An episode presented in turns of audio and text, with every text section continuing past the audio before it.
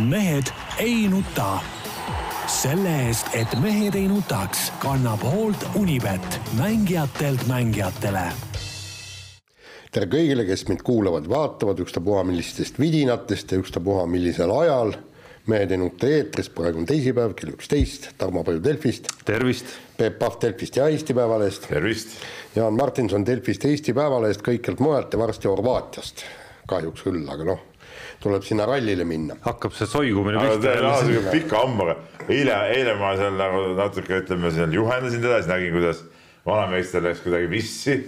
ei olnud talle mokka mööda see jutt, mis ma rääkisin, tead noh, nüüd noh, hädaviletsus on. ei no see, annaks jumal, et, et nagu no Tänakust meil tuleb veel juttu ka, annaks jumal, et ta lõpuni sõidaks, muidu on jälle niimoodi, et noh, lähed kohale ja siis kaks päeva tead seal. Käid ja no vaatad. Horvaatia päikese all on ju tore olla. esiteks on seal soe kindlasti, Jaan. vihma sajab seal, oled juba järele vaadanud või? jah, ikka vaatad järgi, kuhugi lähed. no no ma ei tea, neljapäeval kaheksateist kraadi ei ole mingit vihma. no ega palju siin vähem meil on. no ei, kümme. aga ei vaata, kui sa, kui on niisugune hea ralli ja mõnus ralli, siis, siis naudid kogu seda asja kõik täiega, aga kui on nagu on, noh siis sina rallit ei naudi ju, no ikka sa naudid. istud seal niisama ei no võitlust naudin, vaatad, kuidas action käib. aga üldiselt jah, et, et meil on nagu selgub, et hapukurk, meil on nii teemades hapukurk kui ka äh, siin Eestis, kui nüüd see ja uudistes, kui jätta kõik see Ukraina sõda välja, siis on, siis on ka seal hapukurk ja, ja ütleme niimoodi, et, et mul tuli kohe meelde, kui kuidagi, kus ühes kirjandusteoses räägiti ühest külast, kus äh, suve kõige suurem sündmus oli see, kui Vares viis aia otsast seebi ära ja siis sellest räägiti kaks kuud et, et täna ka Tarmo, Tarmo leidis ainsa asja, mida, mida üldse nagu meenutada möödunud nädalast, et ta nägi liblikat. kahte, kui see on, see on muidugi hämmastav, see on Ma nägin linna, kahte. linnameeste elu siuksed ütleme probleemid, et näha nüüd alles. esiteks ei olnud, esiteks Peep ei olnud see probleem, Ei, no vaid see- väga tore ei, kogemus ja ei, isegi probleem. sina, isegi sina tuntud maamehena. Esiteks, kes see- sa ei ela muidugi päris maal, ma täp- tahaks No täpsustada see, et sa oled seal ikkagi asula sees, lähim naaber on sul noh, põhimõtteliselt sul aia taga on järgmine kodu. Ühel pool, teisel pool on mets. et no see ei ole õige maa, Peep, ma ikkagi Okei, ütlen. õige on see, kus on mitusada meetrit naabrini. jaa, aga ma, ma rõhutan veel kord, näha esimest liblikat aprilli keskel, no see on ikka tontus tegelikult. noh. no muide, Peep, sinusuguse maamehe puhul, nagu sa ennast siin pead ikkagi reklaamid, on ka tontlus see, et sa ei suutnud ära seletada, mida tähendab see, kui sinu esimene nähtav liblikas aastal on see, et sa näed korraga nii kirjut kui ka kollast. ja mida siis seletada? Noh. tähendab seda, et sa näid korraga nii kirjut kui kollast. no näed, juba hakkab vingerdamine. mis see vingerdamine? mis, mis pole mingit seletust, liblikas väljas ja kevad on käes, on väga lihtne, mis siin, mis see mingeid seletusi siin, mingi udri-mudriga tegeleda, no see on, see on jälle sinu tase, tead, noh, sihuke eurolaste värk, otsida mingeid seletusi ja asju. Peep, kuule räägi mulle, vaata nagu meil äh, endine presidendi proua ütles, et eestlaste unistus on mitte joosta ümber oma maja nagu kõikidel vä- väljamaalastel või joosta, vaid joosta ümber maja paljalt. sina saad üm, paljalt ümber maja joosta, nii et tähelepanu ei. Oled sa seda teinud ka või? mis tähelepanu? aga oled sa teinud seda? Ei ole, mis ma, mis ma peaksin, Jah. aga mis see, mis mis ma peaks paljalt ümber maja, põhimõtteliselt ei me no see näitab seda, et, et, et, et sul ei ole naabreid läheduses ja keegi ei tee, sa oled täiesti sinna nii-öelda tsitadelli äh, põhimõtteliselt ütleme nii, ütleme suveperioodil ei näe hoovi mitte keegi, ütleme praegu, kui on veel puud ei ole lehtes, praegu ütleme naabrid veel näevad, aga no mis see on siis, või siis nad pole ennem inimest näinud või? Võin paljalt seal ringi joosta, kelle asi see on. Ja no ma tajun, et kui, et see hapukurk, millest me siin räägime enne saadet, päädib muidugi sellega, et tuleb ilmselt rekordpikk saade, et kõik need teemad, mida me vääriliseks ei pea, ikkagi nagu kannavad ootamatult kaugele, küllap äh, mingi jutulõng viib teid ka mõnele lapsepõlve meenutusele hoovispordi või, või millegi muu osas ja, või, või kuskilt sealtkandist ja noh, siis, siis juba. palju ümber siis- maja jooksmist me ei harrastanud tegelikult päris ausalt sihukest sport, sporti meil ei olnud. Et jah, kui ma tulen tagasi selle hapukurgi juurde, siis ütleme, kui vaadata, mis nädala jooksul või no mis ümberringi toimub, siis hapukurgist on muidugi asi kaugel, aga nagu me siin enne saadet rääkisime ka äh, läbides ja vaadates üle, mis äh, on kasvõi nii meil kui mujal ilmunud nädala jooksul spordirubriikides, noh siis seda sõda on seal ikkagi nii palju, et, et tegelikult äh, noh, noh, tegelikult tahtsime selle sealt välja rookida, nagu aus, aus vastus sellele ka, et kui rääkida liblika asemel nagu päris elamustest, kogemustest, siis mina võib-olla nagu soovitusena soovitaks lugeda tagantjärele veel Maalehest Peeter Volkonski intervjuud, et minu arust nagu mis puudutab Vene, Vene hinge ja kogu seda käimasolevat sõda, siis võttis väga hästi kokku, ma ei tea, kas sattus keegi teist lugema või jah, mitte. jah, väga hea oli. midagi lugema. üks tore, üks tore anekdoot oli seal, tore on muidugi, saab panna nii tore kui jutumärkides ka sinna kohe, oli seal loo alguses kohe. ei, nädalavahetuse kõige parem asi oli see, et see laupäev siis sai esimest korda siin aiatöid tehtud, ütleme. esimest korda? ei, no sel hooajal nagu mul pole, mul pole aega olnud varem teha. ma lõikasin ammu õunapuid. ei no sa võisid ammu lõigata, noh aga mul pole aega olnud. mis maamees sa nüüd oled? kogu aeg olnud tööl ja see laupäev nüüd siis anti eh, ülemjuhatuse poolt käsk olla kodus. sul ka ülemjuhatus ikkagi olemas. noh, anname alati inimesele võimaluse nagu tunda, nagu oleks ülemjuhatus, eks ole. Teha üht, teist ja kolme, ma võtsin, võtsin õunapuu küljest maha eh, jõuluküünlad näiteks. Põõsa pealt maha, mul neljas kohas olid need küünlad nagu väljas, eh, likvideerisin need, remontisin ära Eh, vahepeal tormi käes kannatada saanud triitpoone. et ja oli ja siis riisusime, väga-väga tore oli. Kuidagi väga hilja, Peep ikkagi, et ma oleks sinusuguselt maamehelt oodanud ikkagi, et nagu kõik käib nagu kellavärk ikkagi, kohe kui lumi, esimene lumi hakkab sulama ja esimene lapikene väljas. lumi alles sulaski ära. mul oli ka maa, maal oli. naabrit, naabritel on siiamaani lumi on hoovis. et, et kuhu päike väga peale ei paista pole aega, noh pole ühtki vaba päeva olnud noh. ja nüüd jälle ei, ei tea, millal järgmine sihuke vaba, vaba nädalavahetus. nojah, aga naine, naine saab selle aiaga kindlasti hakkama, ma olen kindel. no aga korvpallihooaeg nüüd peaks ju nagu lõppema ka, ma mõtlen nagu ka nagu mitte ajakirjanduslikus mõttes, vaid, vaid Keila meeskondade vedamise mõttes. see ei lähe lihtsamaks. suur gigaliiga Final Four on ikkagi tulemas. selleni me jõuame muidugi siin saates. ja, aga U kaheksateist tsempionaat alles põhiturniir alles käib. Seal tuleb veel play-off'i mängida, siis äh, ega ja trennid ju käivad edasi, kas ei ole nii, et hooaeg saab läbi, siis lõpetad ära, ei, ega siis äh, tuleb trenni teha edasi veel mai, juuni alguses, siis lased korraks, korraks mehed puhkusele, ega siis trenn käib ikka edasi. nii aga... aga no mis nüüd hakkab, nüüd tuleb järgmine värk, hakkab see Eesti liiga play-off, kus tahaks sarnaselt eelmisele hooajale võimalikult palju kohapeal käia mänge vaatamas ja oma seda sihukest nii-öelda Äh, päevikut või, või seda asja pidama, et, et, et see võtab jälle ka päris kõvasti aega ära tegelikult. oma ekspertiisi jagada tahtsid sa? jah, jah. Eesti rahvaga. aga korvpallini jõuame, vaatan, me oleme sujuvalt juba veel kümme minutit siin. Millest võiks teha korvpallisaate? no ei, absoluutselt jah, siis ma saan niisuguse puhkepäeva nii-öelda. aga, aga vot see on huvitav, vaata, kui me räägime mingitest eh, sinu aladest, siis me küll oleme eh, Tarmoga siin alati nagu Mihklid nagu kaasa rääkima, jagame asju kõik aga sinu see tase nagu on selline, et nagu mitte midagi ei oska. kuule, kui on kaks niisugust spetsialisti siin, noh, kuule, mul oleks piinlik sinna äh, vahele trügida. nii, räägime rallist, lähen Horvaatia rallile ja, ja äh,. oota, ma ütlen vahele, see rallihooaeg on väga halvasti üles ehitatud tegelikult vahepeal nagu jõudis ära ununeda. jube pikk, täpselt ma tahtsingi öelda, jube pikk paus, ma ise käisin eelmisel etapil Rootsis see oleks nagu eelmine aasta olnud, tead noh. et üldse ei mäletanudki, et sihuke sari nagu WRC sari üldse nagu toimub praegu tead. ja nüüd eile Jaan hakkas rääkima, et, et nüüd ta peab sõitma.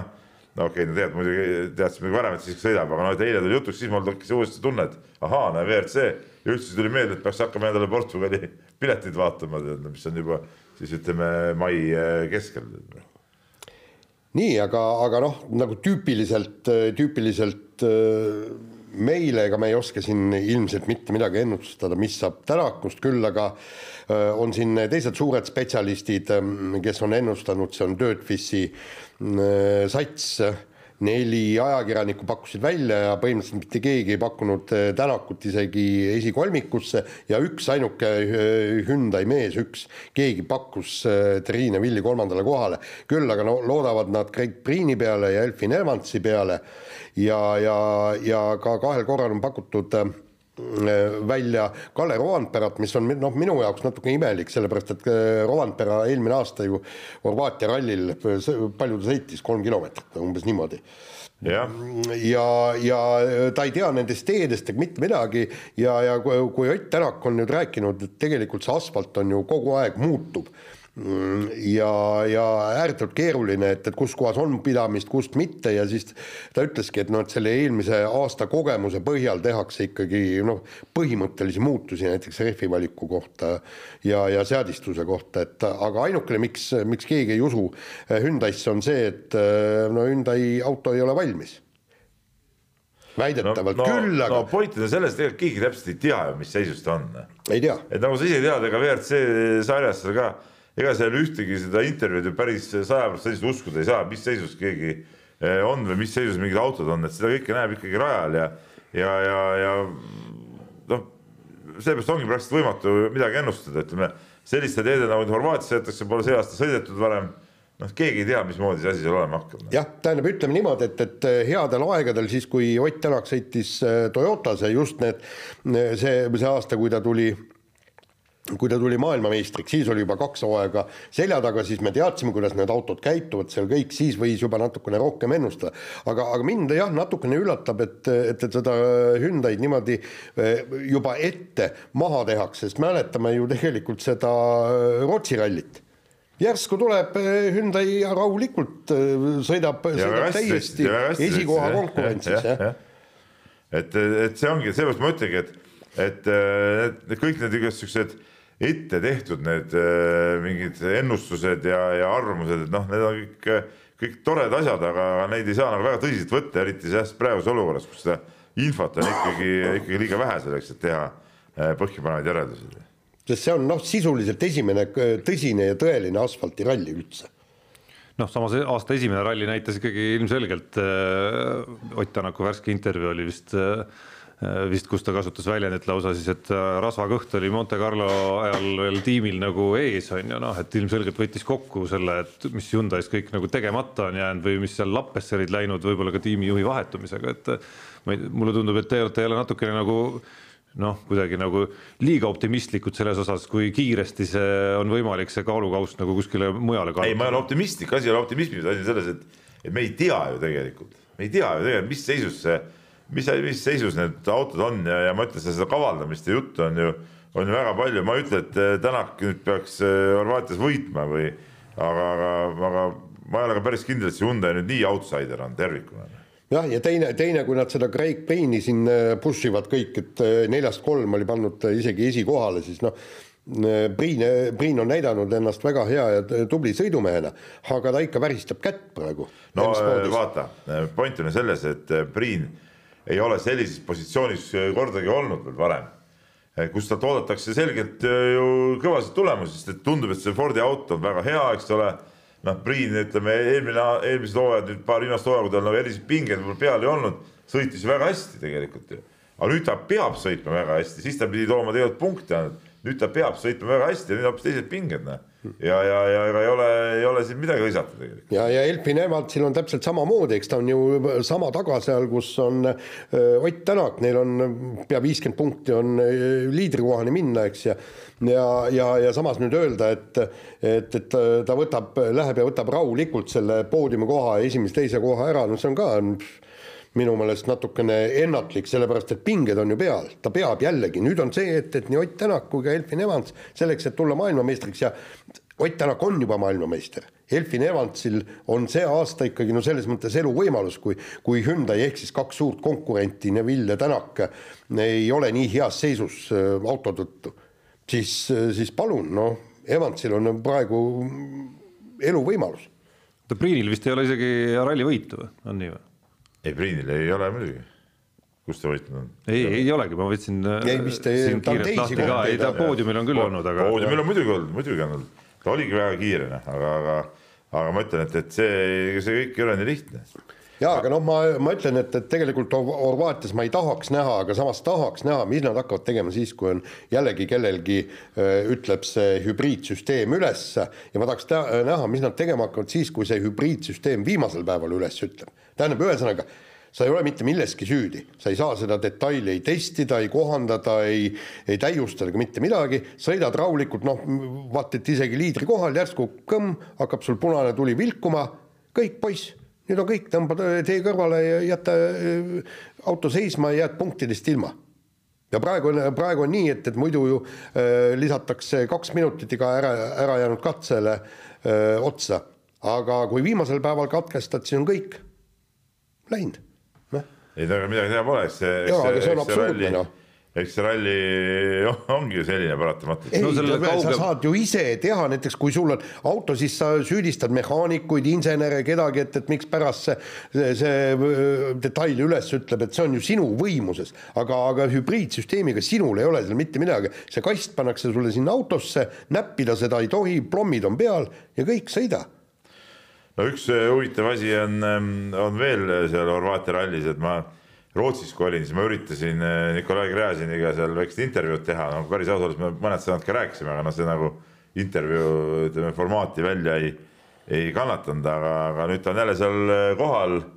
et, et Jaan, katsu seal jälgida ka, et, et äkki, äkki saad ka jutule, tead noh.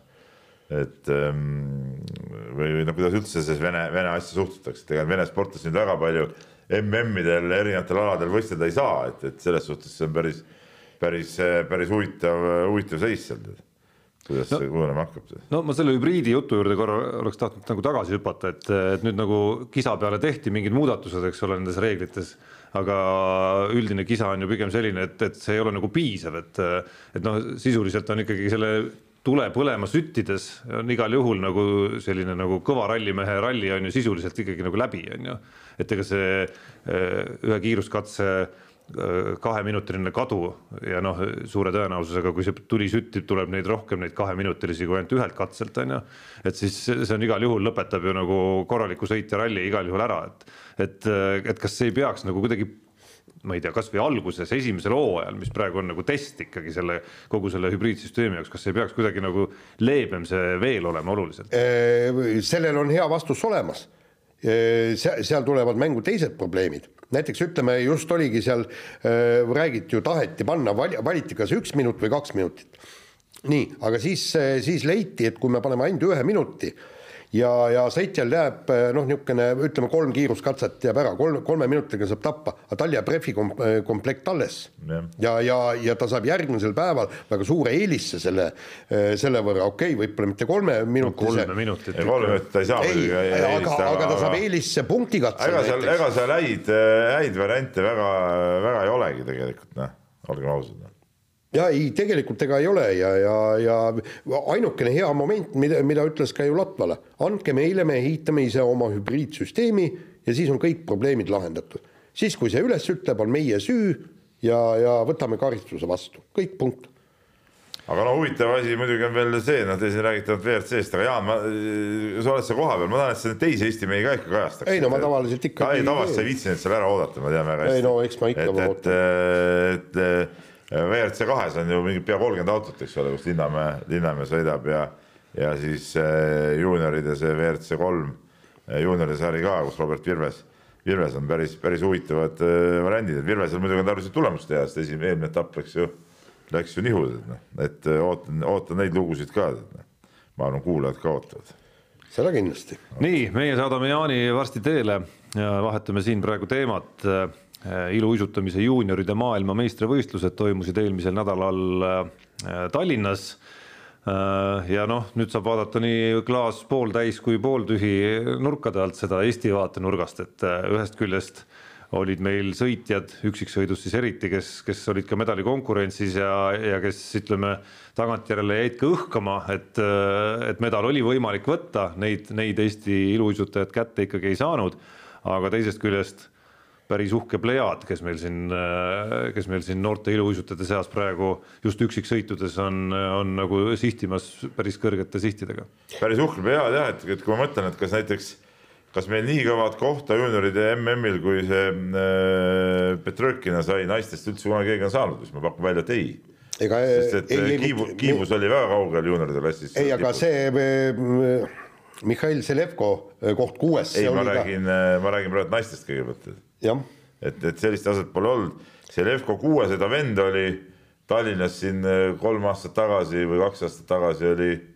ta oli seitsmes. midagi jah, seitsmes või kaheksas jah, et kusjuures ka vaba kava äh, läks nagu nässu täielikult, et, et täpselt nagu koopia oli praegu vendade võistlustel. no huvitav, et nad äh, ei suuda nagu kodus väga hästi e-, esineda, aga, aga ma samas Petrõkina tegi kodusel EM-il, täiskasvanute EM-il, just vabakavas ju ütleme geniaalse esituse, kus ta tõusis ju teisest kümnest ju lõpuks kaheksandaks. jah, aga no võib-olla seal ongi see, see nii-öelda medalipinge on. no hoopis teine, hoopis teine olukord on ju, natukene nagu noh, natuke nagu see Greg Priini võrdlus, mida te rääkisite siin ralli puhul just, et üks asi on seal täiskasvanute seas ikkagi noh, suht ma ei tea, madalate ootuste pealt päris ei saa öelda, sest nad seal ka võitlesid ju selle Eesti järgmise EM-i kohtade arvu eest või see, see detail oli seal mängus, ma ei tea, palju nad ise mõtlesid selle peale, aga aga noh, pigem, pigem ootused võrreldamatult väiksemad selle, sellega võrdluses, mis, mis sul praegu on, kui sa reaalselt noh, no nagu nad on öelnud, nad mõtlesid medalite peale noh. aga, aga ma isegi vaataks seda juunioride MM-i, ma- noh, kui ma tegin artiklis, ma ju viskasin pilgu peale täiskasvanute MM-ile ja kõik need neli, kaks Selevkot, Kiibus ja Petrõkina, kõik on olnud täiskasvanute MM-il kuueteist hulgas. et, et äh, ütleme niimoodi, et, et praegu vist minu meelest äh, Jelena Glebova on olnud äh, parem ühe koha võrra, kas tema oli neliteist ja ja, ja siis ma ei mäleta, kumb see oli, Petrõkina või Kiibus oli viisteist, seal on nii, aga, aga vaata, kui noored nad kõik on, eks. Petrõkin seitseteist, Kiibusel vist kakskümmend. üheksateist vist. no siin tasub vist 19 kohe ja- vahele torgata, et eh, kui sa nüüd konkurentide vanuseid vaatad, siis eh, ega sealgi ei ole just nagu väga palju neid vanakesi. No seal ikkagi on neid, ütleme kakskümmend ja kakskümmend pluss vanusest sõitjaid ikkagi on, üksiksõitjades küll. jah, ja teine asi on ju vaadake, mis juunioride MM-il toimus Euroopa, eurooplastega. Selevko oli kuuenda kohaga Euroopa parim ja, ja Petrõkine, kellel see kava tõesti nässu läks ja ütleme, kui ta natukenegi paremini oleks teinud, ta oleks ka Euroopa parim olnud, praegu oli Euro Euroopa teine. et ühesõnaga okei okay,, ärme vaata võib-olla neid MM-i medaleid, aga EM-i medaleid. Ja mingi hetk tulevikus võib olla täitsa, täitsa reaalsed võimalused. noh. no eriti olukorras, kui Venemaa kauaks, nagu, kauaks kauaks jääb nagu nii-öelda muust maailmast välja lõigatuks, mida me muidugi ei tea. just, aga ega meeste, meeste üksiksõidus ei ole venelal, Venemaast, venelastel ka midagi hõisata. no EM-il nad ikkagi eh, siin kaks kuud tagasi või kolm kuud tagasi nüüd eh, võitsid ju. jaa, aga nad ei ole maailma mõistes. maailma mõistes nad päris, olümpial oli kas neljas või viies oli parem venelane või? Jah. et ja paneme siia Arlet Levandi ka, eks, kes on, mis ta oli, kuusteist või? et, et, et noh, minu meelest kõige, kõige hullem asi praegu, mis ongi Eesti iluuisutamises, täpselt nii nagu ka vehklemises nagu kümnevõistluses on see, et meil on liiga palju häid naistes vähemalt saavad EM-ile kaks tükki peale, mõlemad saavad peale. EM-ile, see on juba, see on juba. Aga meestes saab ainult üks. kolm sõitjat ja üks saab peale nii EM-ile kui MM-ile jah, see on päris huvitav seis. no aga see on hetkeseis, eks ole, et, et piisab äh, oma tasemega üles minna ja peaks, peaks see teine koht ka järele tulema. järgmine hooaeg ei ole nagu midagi veel teha, tead noh, jah jah, ja siis hakkab olümpiakohtade jagelemine paari aasta pärast, nii et siin on no aga tehke mulle korra, te olete mõlemad seal jäähallis ikkagi nagu olnud sel talvel sagedased külalised, et et kas kellelgi sellest seltskonnast, sellest viisikust, ütleme siis nii, on nagu noh, potentsiaali nagu päriselt ka poodiumi pärast võidelda ja ma, ja ma pigem ütlen siin nagu mitte EM-ist ei räägi, vaid nagu maailmatasemest. noh, nagu, nagu minna nagu ei no see tõesti oleks nagu maailmatase, aga noh, noh, ma ei tea, raske niimoodi öelda, no mina arvan, et see Petrõkin on neist kõige potentsiaalikam tegelikult, arvestades seda, mis, et ta tegelikult tegi nüüd esimese hooaja alles pärast pause ja asju ja tuli nii vägevalt pildile, noh, siin nagu võiks ju tegelikult potentsiaali sees olla ma nagu.. rääkisin ju Ernitsaga ja äh, Margus Ernitsaga ja, ja, ja tema jälle pa- pakkus ka kõiki neid välja, ta ütleb, et, et noh, et artistlikkuses on teistest üle ikkagi Arlet Levand, aga tal ei ole hüppeid, aga ta ütles ka, et vendadel Selevkodel on see olü- hüpete pagas on muljetavaldav, kuigi nad praegu ei, ei kasuta neid kõiki, et ühesõnaga ta- neil on see nelja, vaata et neljakordsed hüpped on kõik olemas aga, aga ei kasuta, kuna neid ei ole veel niivõrd hästi kätte õpitud. vaatame siin paar-kolm aastat äh, edasi. ja ma, ma arvan, et, et siin hakkavad need jõujooned umbes järgmine aasta, ülejärgmine aasta äh, selguma. nii, aga läheme edasi tennisega ja, ja Eestis tennisenaiskond langes siis üle seitsme aasta äh, Billie Jean King Cupil, see on siis äh, vanamõistusega Federation Cup, eks ole, mis on nagu ikkagi nagu loogilisem nimetus äh, teise liigasse ja pani spordiinimesed küsima, et kas EOK stipendiumidega äh, ei peaks äh, Anett Kontaveit ja Kaja Kanepil kaasnema ka kohustus Eesti koondist esindada. Jaa, mina arvan, et mina arvan, et jah, peaks küll. ja et see natuke ajendit saanud Erki Noole Facebooki postitusest ka, mille, mille ju- juures läks päris agaraks aruteluks sel teemal ja, ja noh, tõesti, et ei ole väga palju seda Eesti esindamist ju, ju tennises. Ja, ja noh, nüüd sealgi siis jää, jäävad need nagu võimalused kasutamata. jaa, aga muide, see, see toetus on tennise mõistes siiski No, sedavõrd no, väike see sedavõrd väike, et noh, palju seda saab, nelikümmend tuhat saavad aastas umbes, eks ju. ja öö, nad loobuksid, ma arvan, sellest, kui, kui neile pandaks kohustus mängida Federation Cupil. no jaa, aga noh, siis no loobugu siis noh. ei, ei, aga no tähendab, kui neile pannakse, praegu neid tingimusi ei ole ei no aga no siis, aga see tingimus võiks igatahes olla noh. et, et, et äh, see on ju, see on loogiline, noh, kui sa saad riigi käest toetust, siis peaks nagu riiki ju ka esindama noh. no jaa, ma saan, ma saan aru ka sellest, miks nad ei, miks nad ei taha seal esindada, eks ole, ja, ja, ja. Eriti Kanepi. seda, seda nagu jah, eriti Kanepi, noh, Kontaveidi ka treener nagu seletas ära ju tegelikult, kõik nagu mõistetav, aga noh, midagi teha ei ole, noh, riigi esindamine, riigi esindamine. ja, ja Kanepit ju kotiti, tenniseliit ju kottis Kanepit ette ja taha ja, ja sisuliselt olümpiamängudele tal ju öö, võeti võimalus ära ja, ja kõik muud, et miks, miks, miks ta peaks nüüd minema ja, ja seda Eestit esindama, sedasama riiki, kes teda kotib, eks.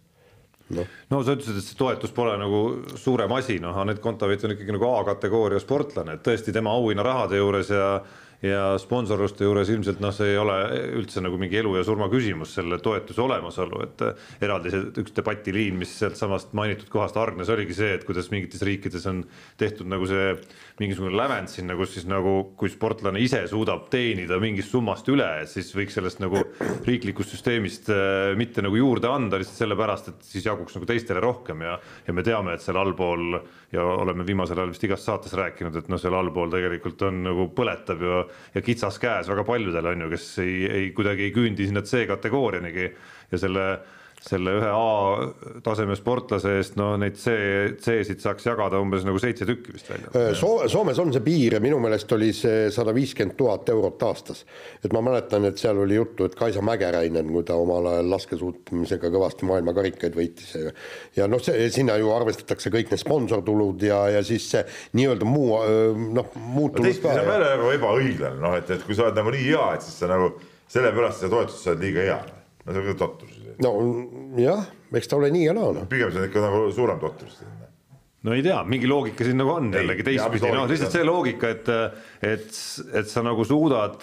Siis ei saa nagu esindada riiki, kui sa liiga hea oled. sa suudad nagu ütleme selle ra rahapoti, mis sul nagu on, suudad paremini ära rakendada nagu kõige efektiivsemal moel ära rakendada eh, just neile, kellel seda nagu vaja on, on ju. seda küll, aga vaata, kui sa oled nagu nii kõva, siis see, sellega peaks kaasnema ka kindel see tagatis, seesama see äh, riigi sotsiaalsed garantiid on ka selle riigi palgaga kaasnevad ja noh, et kui sa seda ei saa, siis sul neid ka ei ole ja noh, sa pead need ise hakkama ostma ja no see on nagu, see on nagu ikka jama täielik. ja, ja teine asi on ju see, et, et ikkagi noh, tähendab see, mis ta teenib näiteks auhinnarahade ja, ja sponsoritelt, eks, et see on sisuliselt tema palk, eks. jah, et, et, et hakata nüüd sellepärast, et sa saad liiga palju palka, siis me võtame sealt toetused ära, on ju, pole ka nagu päris õige. aga noh, selle algse küsimuse juurde tagasi tulles, no isegi minu jaoks, kes, kes ma ikkagi läbi aastate olen kuidagi nagu väga mõistev olnud igasugu loobumise osas, et, et see toetuse sidumine Eesti esindamisega, no tundub tegelikult nagu igati mõistlik mõte, tõsi,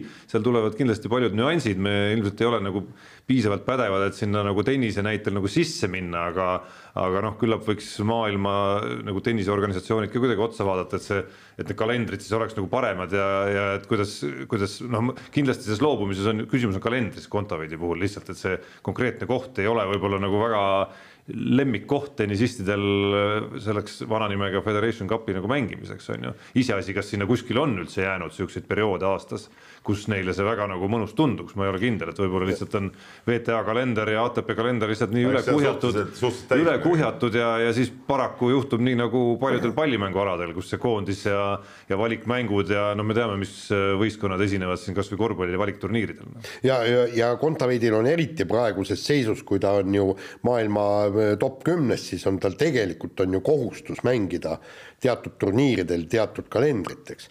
Ja aga samas, samas muidugi seal ju äh, rahvusvaheline tenniseföderatsioon ju teeb seda äh, noh, värki selle Federation Cupiga, ehk siis kui sa tahad olümpiale minna, siis sa pead sinna mängima. et seal ju on, vähemalt olid, ma ei tea, kuidas praegu, aga vaata Kaia, Kaia Kanepil oli ka ju see probleem, eks.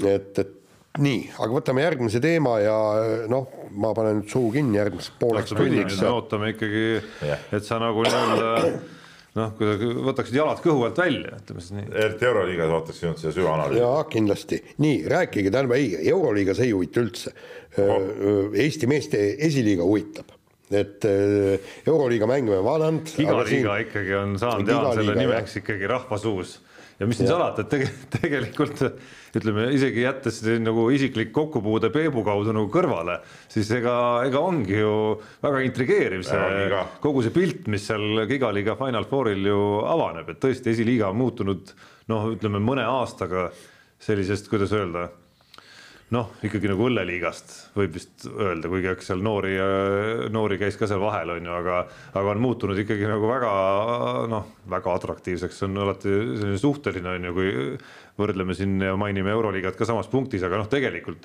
mõte jääb samaks, et päris põnev on jälgida, noh, sedasama kooslustki, noh, Andres Sõber oma karudega, Peep siin, kellel ka on, ütleme, oreooli küll siin korvpalliringis siis need Tartu kõik need vanakesed, kes kohal on, Toroninid ja Taltsid ja, ja nii edasi, noh ja pluss siis, pluss siis veel sellist nagu noh, natukene siis sihukest klassikalisemat klassikalisemat korvpalliklubi ka TalTechi näol, kus siis selline ports järelkasvu, kes on meistriliiga karastusega, tuleb sinna ja üritab esiliigat ka kinni panna. no kuulasin siin ühte konkureerivat korvpalli podcast'i eile õhtul, kui tegin oma nii-öelda õhtu spordiringi, siis seal pakutigi seda TalTechi ikkagi nagu soosikuks. et, et. Äh, seal on natuke kallutatud ka osad eh,, no, osalised. võib-olla, aga no eks TalTech, kui vaadata koosseisu, siis, siis nad ongi, ongi nagu päris tugevad, eks ole, neil on ikkagi neid põhimõtteliselt saad ikka viisiku kokku panna, sel hooajal meistriliigas mänginud meestest rahulikult, kes seal platsile tulevad, aga noh vaatame, eks elu näitab. aga öelge, kas see, see, see, see on normaalne, et, et meistriliiga vennad mängivad jaa, see on normaalne, meil tuleb selle kohta üks kiri ka, ma seal selle kirja rubriigis lahkan okay. seda no see on vist väga täpselt, mitte vist, vaid ongi väga täpselt nagu reglementeeritud, on ju, ja ja noh, loogika on selles, et, et mängijad, noored mängijad saaksid mängida, eks ole, et ei istuks nii-öelda kõrgemal tasemel pingil ainult, vaid saaksid, saaksid, kui nad istuvadki, siis saaksid allpool siis nagu mängida. aga no seal esiliiga lõpetuseks, et selles suhtes huvitavad paarid on, et ütleme, kaks suhteliselt noortevõistkonda nagu meie ja TTÜ siis mängime omavahel paaris ja siis siukest natuke, natuke vanemat või, või siukest suure, suuremate meeste võistkonda siis on teises paaris ja noh, tegelikult äh, ikka mind ennast huvitab väga, kuidas see Tartu Kalevi Estika, kus tõesti Talts, Eifus, Lepik, Toronin, eks ole noh, ütleme pole, pole nagu kehvad, kehvad vennad üldsegi. seal on veel see meister, eks ole, meistriliiga mees vana, et seal nagu neid mehi nagu on ja et, et kuidas, kuidas nemad siis suudavad seda, seda finaalturniiri mängida ja noh, siin kuluaarides on räägitud ka, et võib-olla see jääbki nende jaoks nagu viimaseks turniiriks, noh et siis seda enam nagu seal, seal sihukest sihukest äh, huvitavat on, aga no ma ei läheks Euroliiga juurde tegelikult. no on, ei ma ikka tahaks nagu urgitseda ka, et kas näpud higised või kas ööd lähevad kõik ikkagi seal nagu video, videovaatluste järgi, et kodutöö käib ikkagi nagu Euroliiga tasemel. ei no videod on juba kõik äh, välja lõigatud jah. no vaatame, eile trennis natuke vaatasime ja täna ja no Jaan, sa pead Horvaatiast ka, ma arvan, isegi sa ei suuda Horvaatiast, ma arvan, ka eemal hoida sellest, et, et neid ülekandeid, et neid ülekandeid jälgida ikkagi. ei ikka, kindlasti, kindlasti peab vaatama. no vot, ei, kui, kui tulla veel. aga noh, ma tahaks muidugi hurjutada siin korvpalliliitu ka muidugi, korvpalliliidust te olete ikka sellest natuke udud ka ikkagi natukene. Peebu, see on Peep sinu kohta kõige leebem kriitika läbi aegade. et see Final Four pandi sinna Tartusse, eks ole, nüüd see reede-laupäev no mis toimub praegu, äh, iga inimene teab, mis see nädalavahetus Tartus toimub. maamess või? no loomulikult, näe. no aga siis on ju just no, rahvas ei, kohal. ei, mis rahvas kohal. no katsu võistkondadele hotelli saada sinna, tead, näe. loomulikult maamessi omad on mingi, ma ei tea, pool aastat ette enda kinni pannud, eks ole, meil tuli see kinnituses toimub äh,, Tartus tuli ju vahetult enne pühi, eks ole, noh. Nüüd mul õnnestus ikkagi kuidagimoodi äh, sinna saada, aga, aga noh ja noh, siis Tartu mehed, ma mõtlesin, et noh, et teeme siis asja nagu korralikult, et lähen hommikul sinna, teeme väikse trennisaalis. aga seal on mingi võrkpallikoondise trenn ja siis on Tartu trenn ja ongi kõik kogu muusika, eks ole, noh. no ei lasta ikkagi nagu. küll, kui sihukesesse kohta panete, siis orgunnige ära, et need saalid on vabad, saame teha kõik, oleks, ma ütlesin, pakkusin välja, tule teeme Keilasse. ma oleks andnud saalid kaks päeva ette, on vabaks, tehke seal trenni või laske kukerpalle tead noh, aga noh. ei lasta ikkagi see on see, see on see tead korvpalliliidu see värk ja asjaajamine. ei lasta ei, vaata ei osata arvestada ikkagi, et seal on nagu profivõistkonnad ka sees no.. No ta- võetakse nagu selle ütleme siis nagu Marek Toronini ja Janar Taltsi koormuse pealt enam-vähem. ei no ikka tahad ju proovida neid, pole seal saalis nagu eriti käinud, et, et kuidas need rõngad on ja nii edasi, et noh, et see on see värk. no ütleme enne enne kui Euroliigast rääkida, see ko- kodune liiga on tegelikult see põhiturniiri lõpp on veel ju päris intrigeeriv. Jaa, seal- seal, seal on ju kahe, kahe paari osas on ju ja noh, ja need võivad nagu päris palju nagu määrata ka seal lõppkokkuvõttes. no selge see, et teeme nagu teeme selleks, et. Tarva, Tarva jaoks on hooaeg läbi, Kalev Cramo ootab poolfinaali vastast ja selge on siis see, et TTÜ ja Tallinna Kalev siis mängivad ühes veerandfinaalis, TTÜ just nimelt. just TTÜ jah, ja mängivad ühes veerandfinaalis ja siis aga, aga ütleme teistes jah on, ütleme Pärnu Viimsi on ju praegu ühe pulga peal ja Tartu Rapla, seal on ka mingisugune teoreetiline variant veel, et, et võivad kohad muutuda vist. väga ebatõenäoline No sest Tartu aga- on omavahel plussis Raplaga, ehk siis see viies ja kuues tundub, et vist pigem aa ei, siis on, ei siis on paigas jah ja., sest et jaa, sorry, sest et Raplal üks mäng mängida et Pärnu ja, ja Viimsi ja. võivad lihtsalt vahetada on hetkel on mõlemad üheksateist võidu peal praegu ja, Ja kaks mängu mängida. just ja Viimsi on ees omavaheliste mängudega, nii et seal no ma ei usu, et kumbki neist Tartuga mängida tahab seda, seda veerandfinaalseeriat, et, et selle kolmanda koha peale on vaja nagu lõpuni mängida. jah, see kindlasti nad Tartuga ei taha, kuigi kuigi ega see Rapla ei ole ka nagu nüüd juba, kui on sealt äh, rivid korda saanud, ei ole ka enam mingi kingitus. no Tartu muidugi siin kavaldab ka, eile nad mängisid mingi väga naljaka koosseisuga. ma Taltsist küsisin, et kus, miks nii mehe, palju mehed puudu on ja see pisivigastused ja pisiprobleemid, noh.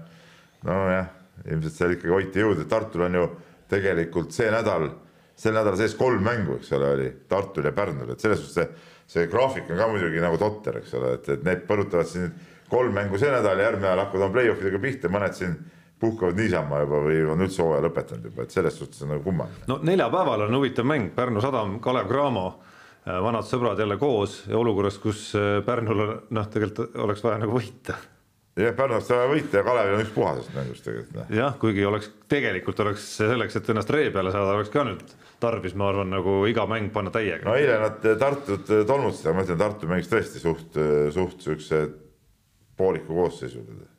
no nii, aga Euroliigas Euroliiga, Euroliiga ikka põhi hakkab täna pihta, see Maius pala siis, eks ole, et et ei no väga-väga vinged paarid on, väga vinged paarid on minu arust.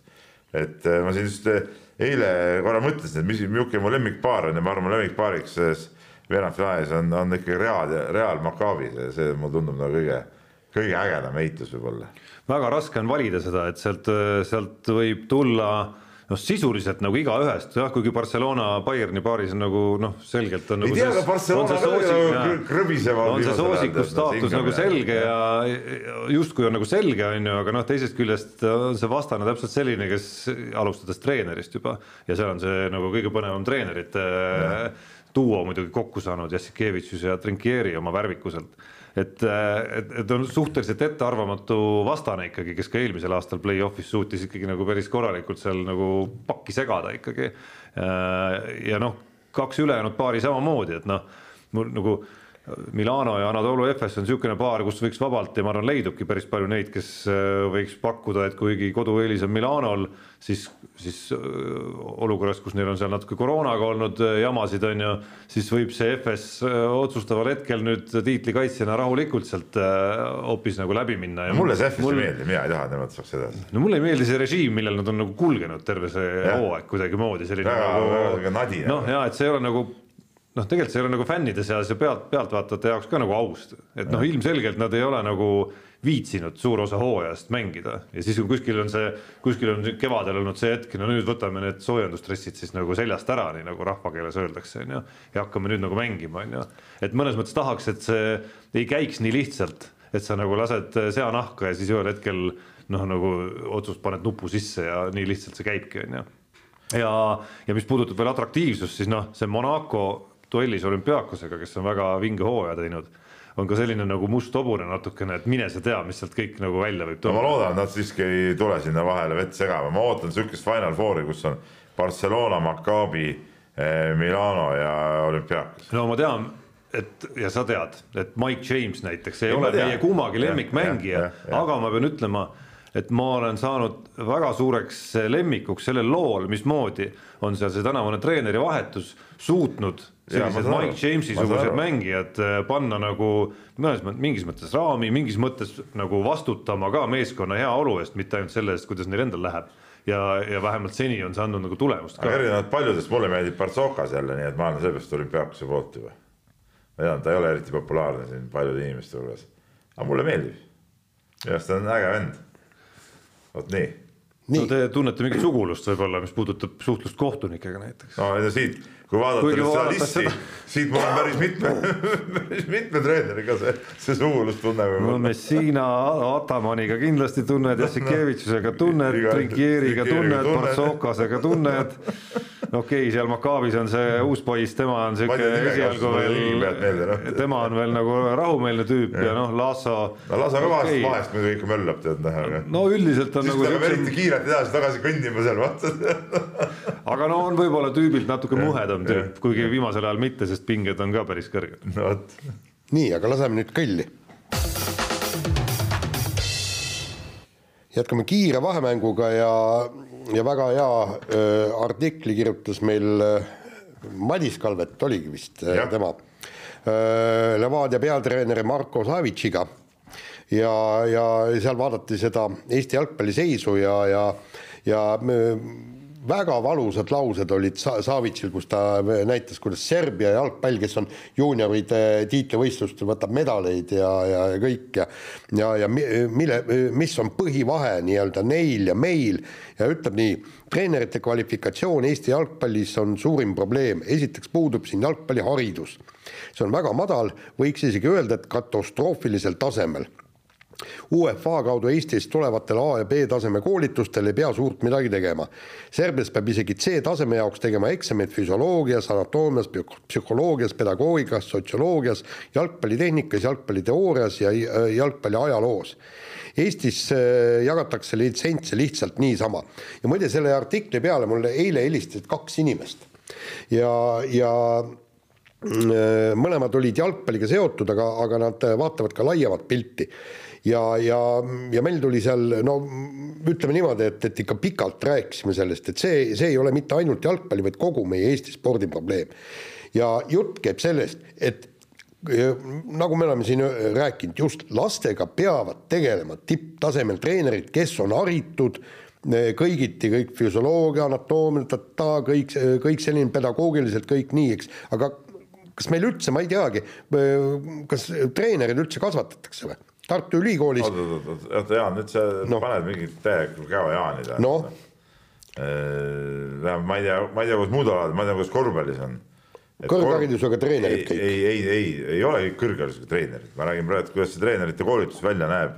et eh, ma küll ei ütleks, et see, et isegi see kolmanda taseme saamine nüüd äh, nii lihtne on, vastupidi, et, et seal on need üldained ja, ja, ja need eksamid ja asjad on, on päris keerulised ja minu arust see üldainete eksam on, on EOK eksam, minu arust see peaks olema kõikidel aladel äh, ühesugune ja see ei ole üldse lihtne ja selleks, et seda seda kõige madalamat taset saada, sa pead ikkagi terve aasta kestab, kestab sisuliselt see, see koolitus, et saaks üldse midagi nagu tegema hakata, et, et see päris, päris, päris nii ei ole ja see on muidugi probleem, et meil ei õpetata ülikoolis eh, treenereid kui selliseid, vaid seal on mingid, mingid oma vimkadega kehalise õpetajad ja ma ei tea, mingid muud. Rekreatsioon ja mis iganes asjad, jah. aga, iseenesest see treenerite koolitus nüüd nii, nii haljaava nagu, nagu ka ei ole, vähemalt korvpallis küll ei ole, et, et seal on ja see eksam on, on päris krõbe, ma mäletan siin üks Eesti, ma ütleksin omaaegne noh, tipptreener, ta praegu ka tegutseb treenerina, kellel oli, oli äh, tase nagu aegunud vahepeal. Ja, ja ma tean, et äh, tal oli päris suuri probleeme, et, et äh, see eksam uuesti ära teha ja tagasi saada, et see päris päris nii, nii kerge ei ole, jalgpallis ilmselt on asjad nagu kuidagi teistmoodi, seal on see UEFA mingisugused süsteemid, aga, aga, aga näiteks korvpallis küll jah, see ja Indrek Visnapuu seda korvpalliliidus veab ja seal need asjad on päris karmiks läinud, et noh. no samas võiks keegi ära seletada, ma, ma isegi ootaks mingisugust siit nagu mingit edasiminekut selles teemas, et ka Tarmo Kink on hästi palju rääkinud siin, kui äh, ja juhin tähelepanu, see on ju sama süsteem, eks ole, kui Marko Savic Jah. on rääkinud sellest äh, nagu kõige, kui kõige suuremast kitsaskohast Eesti jalgpallis on siis nagu noorte treenerite kvalifikatsioon. äh, aga et kas see siis nii ja kus see siis nii on või miks see nii aga on? Kink räägib ka sellest, et asi ei ole siin, vaata siin toodi välja need kõik need mingid eh, füsioloogiad ja mingid asjad. tema räägib tema räägib nagu jalgpalli jalgpallitehnisest, et kuidas ta oli see, ma autos naersin päris kõva häälega, ta ütles, et et paljude noorte treenerite esimene puude on nagu pealelöök, eks ole, et noh, et, et see on nagu suht, suht nagu andetud liigutused, et et, et ja probleem, selge see, et probleem kindlasti on kuskil olemas, et, et et see on, see näitab ka meie jalgpalli taset ju tegelikult. no mulle tundub, et probleemi teine ots siiski alati on ikkagi ka selles osas, et, et noh, mis, mis motivatsioone meie spordis ja klubid on võimelised nagu pakkuma üldse nendele noorte treenerile, et kõige paremad üldse tuleksid sinna, et nad oleks valmis läbima mis iganes äh,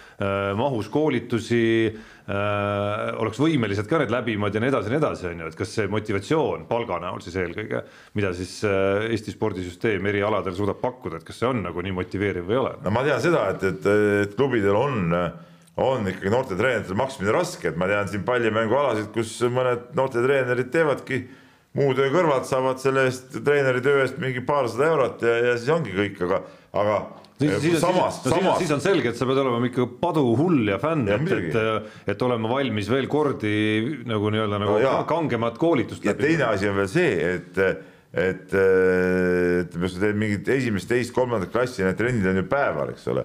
ja sinna kõige raskem inimesi leida, sest ütleme, kui inimesed mingid muud tööd ka, siis ta on päeval ju muude asjadega hõivatud, eks ole. saaks teha nagu õhtul, õhtul nende mudilastele teha ei saa, sest õhtul saavad juba suurtematele lastele. et seal nagu need, need probleemid on, on püsti, püsti igal juhul ja, ja enne ju riigi käest ka tuge ei saa, kui sul on see viies tase käes, eks ole, noh. aga viienda tasemeni jõudmiseks sul kulub ju tegelikult, no ma ei tea, kui nüüd päris äh, järjest teha vist üks tase vist neli aastat või ma ei tea, no seal ikka, seal ikka läheb aastaid ja aastaid ja aastaid, noh. ja aga, aga need, kellega vestlus oli, et, et nad ikkagi viskasidki kõik selle kriitikanoole äh, eelkõige EOK suunas. et EOK on ju meie spordi katusorganisatsioon ja, ja, ja nende ülesanne on nii-öelda koordineerida ja läbi lüüa see kõikide need, need öö, nii-öelda treenerite haridus ja pluss loomulikult ka kõik need palgafondid ja värgid-särgid, eks.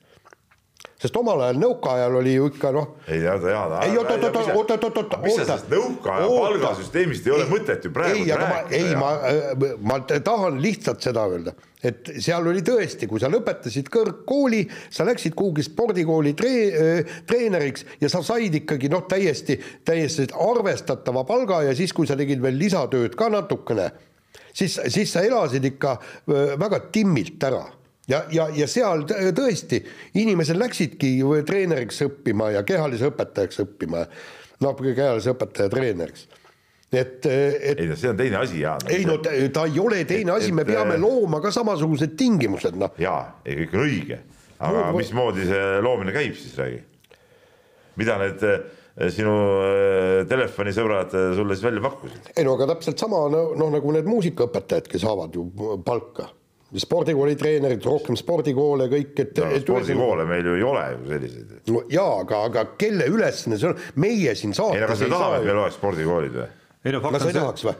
ei, ma ei tea, kas ma tahaks, et meil oleks Keilas näiteks spordikool, meil on Keilas oma see klubine, mis see spordikool seal, korra seal hakati seda tegema, aga noh, see, see ei haakunud nagu meie süsteemiga, see lõpetati ära uuesti. noh. no jaa, aga, aga kui sulle, sulle pannakse palk lauale kaks tuhat miinus maksa, maksud noortetreenerile spordikoolis Ei ei no, no see võib ka spordi- see võib ka spordi- palka nagunii ei panda, sa saad ise ka väga hästi sellest aru ju noh. no, ei no see võib ka spordiklubis lõpuks olla, on ju, aga ega seda iseseisvalt äh, on et noh, see, see riigi palgatoetus on ju seisnud ju aastaid ju suht sarnasel tasemel, seal on mingid kosmeetilised muutused ainult olnud ja- see, see summa on liiga väike lihtsalt, mis, mis riigi poolt praegu antakse. ja aga keegi peab siin keskpunkt olema, kes koordineeriks seda ja nõuaks ja käiks peale ja prooviks midagi teha. see on kultuuriministeeriumi teema rohkem siiski.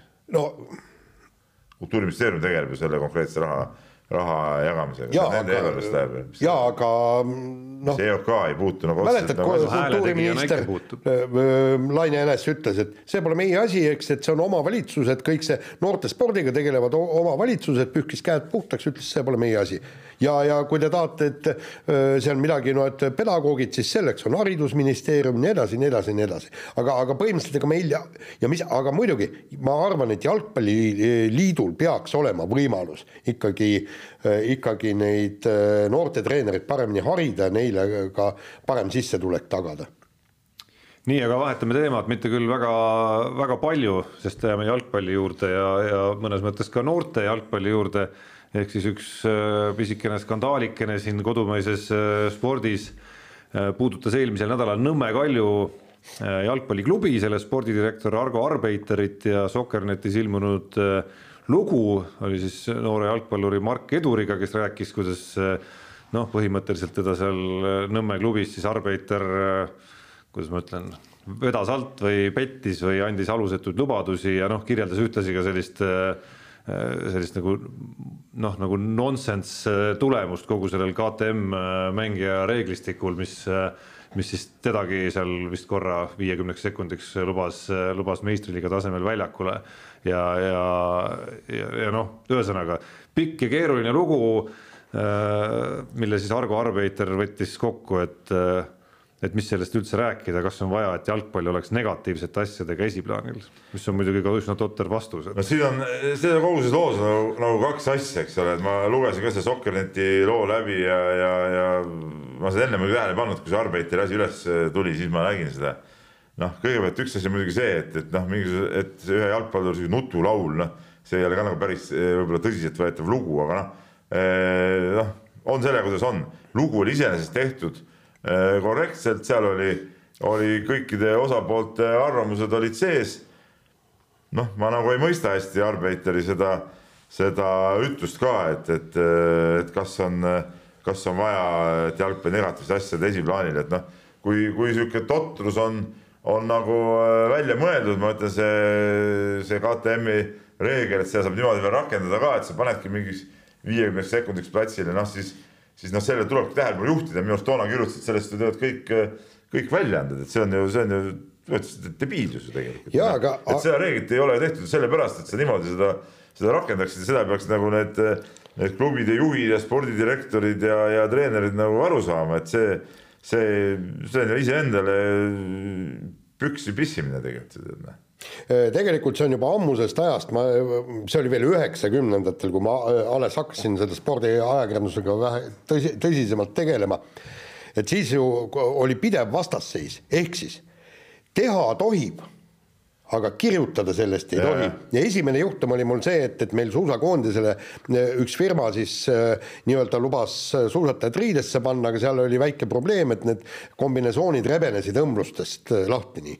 Ja siis suusatajad ütlesid, et näete, mingi täielik jama, et näed, et tulen siin finišisse, tead umbes pe- perse pealt siin õmblus äh, laiali kõik nii ja kirjutasin sellest ja siis sain vihase kõne et no miks sa sellest kirjuta, oli sellest äh, vaja, tuttav oli ka kusjuures. siis ma küsin, kas nad lagunevad siis või, kärisevad õmblustest, ei no kärisevad küll jah, aga milleks, miks sellest kirjutada, ehk siis see on okei okay,, et kärisevad, nii kaua on okei okay., aga siis, kui me sellest kirjutame, vot see on jama. Ei vasta, see ei ole okei okay,, aga kirjutada ka ei tohi. Jaa, ei, absoluutselt, jah. jah. nojah, no nii on. ja, ja, ja, ja aastate jooksul on neid küll ja veel, ehk siis teha tohib, selle KTM reegliga lolli mängida tohib, aga kui keegi sellest kirjutab ja kui jalgpallur sellest räägib, mis tundeid see temas tekitab, vot see on jama nii, aga läheme edasi ja meie korvpallur Mattias Tass sõlmis siis lepingu eh, agentuuriga Octagon, mis on siis päris eh, kõva agentuur ja mis esindab eh, muuhulgas ka tuntud Kreeka korvpallurit Giannis Antetokounmpot, et äh, siit küsimus, et kas Tass, ma ei tea, keegi on pannud selle küsimuse, Jaan vist. kes see muu ikka paneb selliseid küsimusi. ei, aga muide, muide mind see huvitab, kui on Ameerika age, agentuur. ei, ei no sellel Ameerika agentuuril on äh, siiski nagu harud äh, sellistel agentuuridel igal pool, et, äh, et ka Euroopas.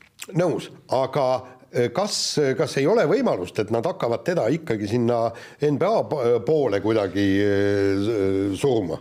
no ega ei ole saanud ju asjaosalistega nagu nii põhjalikult rääkida veel sellest täpsemast plaanist, et esimene, esimene uudis ja selgus on tore selles mõttes, et, et ehk Mattias Tass kuulas ka meie saadet ja, ja sai ka kindluse, et et peaks ikkagi selle sammu nagu ära tegema, ehk siis jutt käis ju sellest, et ta kaalus, et ta kaalus veel ka ju üheks aastaks ülikooli jäämist, on ju, et see on see põhiline see selgus. lapsepõlve pikendamisel ei ole nagu pointi. ja et, et, et see agendiga lepingu sõlmimine on nüüd see selgus, mis, mille see, mis, mis nüüd tuli, eks ole, et nüüd algab profikarjäär on ju. ja kus, kus ta nüüd täpselt algab, noh otseteed NBA-sse ma ei julgeks ja ma kahtlen, et väga palju jah. oleks neid, kes julgeks talle nagu ennustada, et eks see teekond peab käima ikkagi mingite nagu sammude kaudu, isegi kui see lõpuks sinna kohale jõuab, on ju.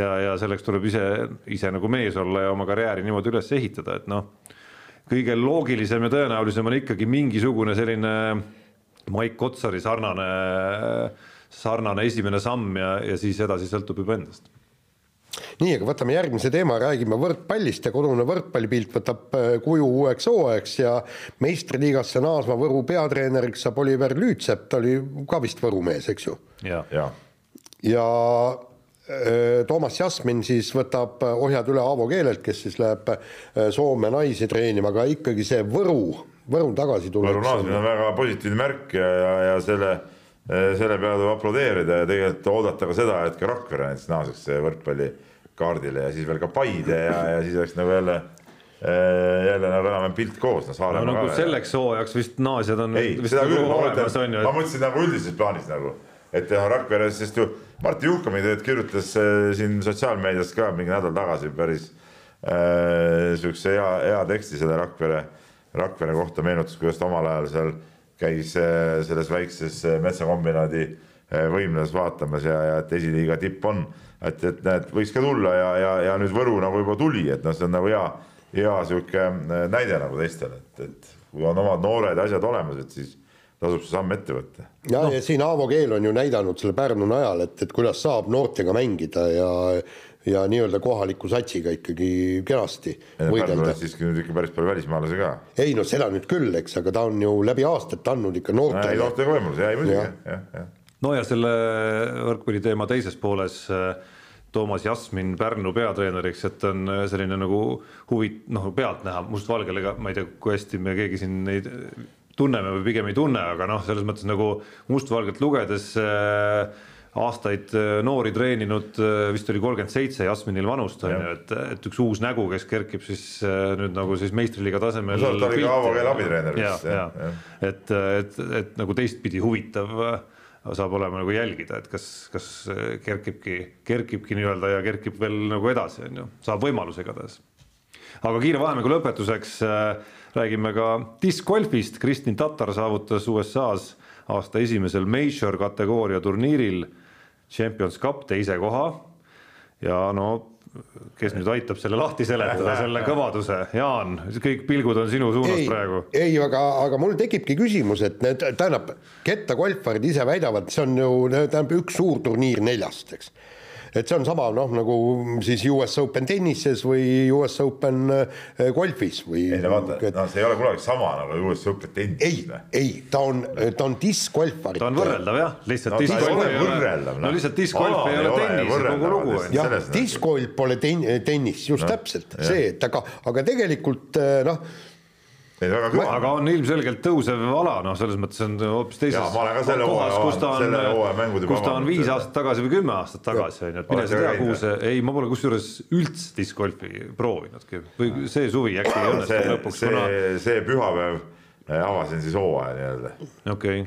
aga, aga tegelikult see, mis siia discgolfi puutub, on see, et, et tegelikult Äh, vaatasin isegi pärast teist päeva tõusis, tõusis liidriks vist äh, lõpus läks mingi otsustav ise läks nässu lihtsalt. jah, lõpp ja. läks nässu, aga, aga ma vaatasin selle, ma vaatasin selle, noh, tähendab selle highlight'id ära, seitse minutit umbes, et tegelikult on üsna äge, et, et, et kui meie omaga, no ma kahjuks pühapäeval ei saanud seda viimast päeva vaadata, tegelesin iluuisutamisega. aga mine sa tea, et et teinekord hoiad eh, seisul silma peal ja kui järgmisel matšeril on, eh, on ka lõpuheitlus, siis miks mitte vaadata, minu meelest kihvt on. no nii on. nii, laseme kõlli Unibetis saab tasuta vaadata aastas enam kui viiekümne tuhande mängu otseülekannet. seda isegi mobiilis ja tahvelarvutis. Unibet, mängijatelt mängijatele. Nonii, mängijatelt mängijatele. tegid saate ajal mõne Ei. toreda panuse äkki? tegin varem. tegid varem, aga sinu näoilme reedab ilmselgelt, et vahet ei ole, kas sa teed saate ajal tundmatutele asjadele panuseid või äh, enne saadet ja varem äh, noh, justkui nii-öelda kindla peale. ei, see ei olnud ka kindla oma peale, ekspertiisi kasutades. aga see jä- olen jälle kümne euro võrra vaesem, ma võin niimoodi ütelda. Ütleme niimoodi, et, et kakssada seitsekümmend kolm. kuhu, kuhu siis ikkagi suund ei, läks? ei tennis, tennises panin, jah. no see, aga ei läinud aga kust sa muidu üldse nagu tulid selle peale, et tennis võiks sinu nagu selline nagu koht olla, kus sa ekspertiisi omad? ja see varem oli täna hommiku koosoleku ajal. selge. ei, ma, ma ei leidnud nagu korralikku ma tahan, kõigile ütelda, kes mängivad. ma tahan, et Unibeti sõbrad ei, pahanda. aga ma olen nüüd pannud siis neli korda eh, niimoodi eh, live panuseid, eks ole. Ja kord, kordagi pole võitnud. huvitav on see, sest minu kogemus ja nagu me Jaaniga oleme rääkinud, ütleb, et live panustega just pigem on nagu võimalik nokkida päris huvitavaid nagu seri üles, tõsi sa pead teadma seda asja kui sa suvaliselt paned, siis see on täpselt see, mida nagu ei maksa teha sellel, selles, ei no aga selles ütleme, valdkonnas. üldjuhul teisipäeva hommikul ei ole siukseid asju väga võtta, mida sa nagu tead. no ma kusjuures ühe live-panuse paningi, aga seekord ei läinud, kuigi see oli hea panus isegi tagantjärele vaadates, sattusin äh, vaatama Hispaania liiga mängu Kossus siis pühapäeva õhtul kuidagi seal teleka kõrval Baskonia ja Valencia vahel ja seal Baskonia jäi kaotusseisu seal kümmekond punkti mängu algul ja siis sel hetkel panin. Nad jõudsidki teisel poolel, jõudsid järele, läksid juhtima ka veel tark oleks olnud võib-olla seal nagu enne neid otsustavat loteriiminuteid võib-olla see noh, kindla peale mingi, mingi osa summast välja võtta, aga, aga ei teinud seda seekord ja nii see kümmekond eurot läks ka mul. aga uue nädala eripanus äh, puudutab rallit, Ott Tänaku rallivõit Horvaatias viis koma kakskümmend viis, peaks Peebule sobima. no Number aga aga no ähm, just praegu siin mõtlesin, et no et kelle peale ralli panna. oota, kes soosik on? Evans, palju? neljaringis. ja teine? kusjuures äh, teised ongi juba äh, Hyundai mehed, et me ralli teemat arutades äh, ei jõudnud vahele torgata, et äh, vähemalt Kihlveo kontoris on äh, Evansi järel Neville ja Tänak. no kuigi need vahed on väga väikesed, et Romampera tuli ka kohe seal, noh, numbrid olid enam-vähem samad. Romampera on õige suurem üllatus, Romampera haip nagu. ja Priin, Priin oli siis viies. ja tegelikult, kui panna kellegi peale, tasuks panna siis Priini peale, sest väga hea koefitsient. Priin oli vist seitse, seitse, kui ma nüüd no õigesti jumal, jaa, kuule, see on. aga Priin ei võida, ma arvan, nii. kas siis kirjad, kirjad ja Ardo Sand kirjutab ja Jaan saab nüüd hiilata. Jaan kui Ameerika jalgpalli spets, kas tead, mis aladel on Margus Hundi isa tulnud Eesti ja Nõukogude Liidu meistriks? tegelikult äh, kuidas nüüd öelda, et, et see fakt on läbi käinud. no aga, aga jube ammu siis, kui Margus Hunt alles tegeles, ta, isa nimi ei olnud Hunt, oli Villemson jah, ja näitab kiire guugeldamine. oota, oota, ära sa ütle, ma tahan ise pakkuda. nii, ei, ei, see, see oli motosport, oli kas, kas oli mingisugune pagisõit või, ja motokross. ei vaata, on Karksi-Nuiast pärit, eks ole. Jah. noh, et, et seal ongi, ütleme Karksi-Nuiast saavadki olla kas, kas siis äh, äh, motokrossi sõitjad või siis tõesti need äh, pagivennad, eks ole. et, et äh, emba-kumba, paku välja siiski motokross. Tuli äh, Nõukogude Liidu meistriks äh, autokrossis, autokrossi sealt, sealt. pagiautode klassis. pagi jah. Balti Kas need suured meister, Balti või? meister autokrossis, tali motokrossis Eesti meister, mootorrattaspordis, autospordis vaata, vaata, ma arvan, see küsimus tuleb tead millest, sest just tuli välja see film, vaata see. ühesõnaga autokross ja pagiautod siis. kas te vaatasite seda, dokfilmi või? mina ei ole veel vaadanud, ma kavatsen järgi kindlasti vaadata, see on nüüd. ERR-i selles portaalis olemas. Karksi nuia eh, motospordis see mingi mudased prillid või, või mis see, mis see oli, ma arvan, et see on päris hea, hea vaatamine, et seda, selle ma, pagan, täna on Euroliiga, täna jõua vaadata, no vaatan mingi aja- lähiajal kavatsen selle ära vaadata igatahes. SPD-le vaatame, ei tulnud meelde nii äh,, aga kõva vend, õigetel aladel. huvitav, kas Margus Hunt ise ka oskab nii hästi autoga sõita nii, aga kirjutab siis äh, Aadu ja Aadu kirjutab nii. Peep talle omaselt kuulutab väärtsõnaks täiesti emakeelse sõna sõelmäng. lepime kokku, Aadu, et sõelmäng on väärtsõna, olgu ta emakeelne või ükspua-miskeelne. samal ajal on ta valmis kasutama tõelist väärtsõna tuhh. see sõna on tulnud vene keelest ja sellel on olemas täiesti normaalne eestikeelne vaste hing. Pole vaja koogutada idanaabri ees ja kasutada väljendeid, et treener ei suuda tuhhi tekitada meeskonnas. soovitan soojalt, et kui on olemas mõistliku kõlaga emakeelne sõna, siis seda tuleb küll kasutada idanaabri laen, idanaabri laensõna asemel. no tuhh on ikkagi, no ta ei ole nagu tavaline venekeelne sõna enam, see on nagu, see on nagu noh, ta on nagu väljaku selline. võitlushing oleks võib-olla ei, ei, ei, asi on selles, asi on selles, kas, kas eestikeelne vaste on või ei ole, aga tuhk on, ta on nagu, nagu sihuke, ütleme juba nagu keelteülene väljend ja sõna, eks ole. no ja, ja teine asi, see on ikka kolm No kas sul, kas sul oli Soomes kas sul on tuhk? ei, ma räägin meie, ma räägin meie sellest, mis. Saksamaa või Soomes puutuvad. just keelte üle ei no ei no siin on meie eesti ja vene keele ülene, no see on, me ei mõtle sellest, see on venekeelne väljend, sest see on eluaegse kasutatud, noh, tuhhi on või ei ole, noh, see on no täpselt, nii aga, aga, on nagu- ja aga ei, pane nüüd see, nagu pane nüüd siis see, noh. pane siis sinna nüüd see eestikeelne vaste, kas hing on või ei ole No see- ta ei, ta ei ei sobi sobi sinna, võitlushing on aga, täpselt. aga siis Aadu jätkab muuseas kirja veel. seoses see tuhhiga tuli mul meelde veel palju, veel, veel palju kasutatud väljend, see on praegusel perioodil eh, võib-olla ei kõla nii palju eetris, sest meil pole hetkel tegijaid sel alal ja, ja selleks sõnaks on atrõõv. No see on siis see. No see on rattameeste- nii-öelda eest ei, ära eh, minema. no see eest ära on pu- punt nagu, ja. atrõõvis, eks ole. see on ka teada sõna, no seda, seda rattamehed on kasutanud ja, ja nad siis kasutavad ja see ei ole mingi vene keele ees eh, koogutamine, lihtsalt see niimoodi on välja kujunenud, no aga siin mõnikord kasutatakse mingeid ingliskeelseid eh, väljendeid ka, nii nagu see ongi see play-off näiteks noh, ütleme see ongi ja, ja nii ongi, noh. väga õige, noh. Atrõvi kohta ütleb veel, et see on nagu jubedus kuubis. ja ta- on nõus, et raske on leida head vastet sellele. et äh, aga kui kaheõhtuse pitsi vahel või kaheõhtuse pitsi asemel võiks äh, kõige oskaja Peep välja mõelda sobiva eestikeelse sõna selle asemel.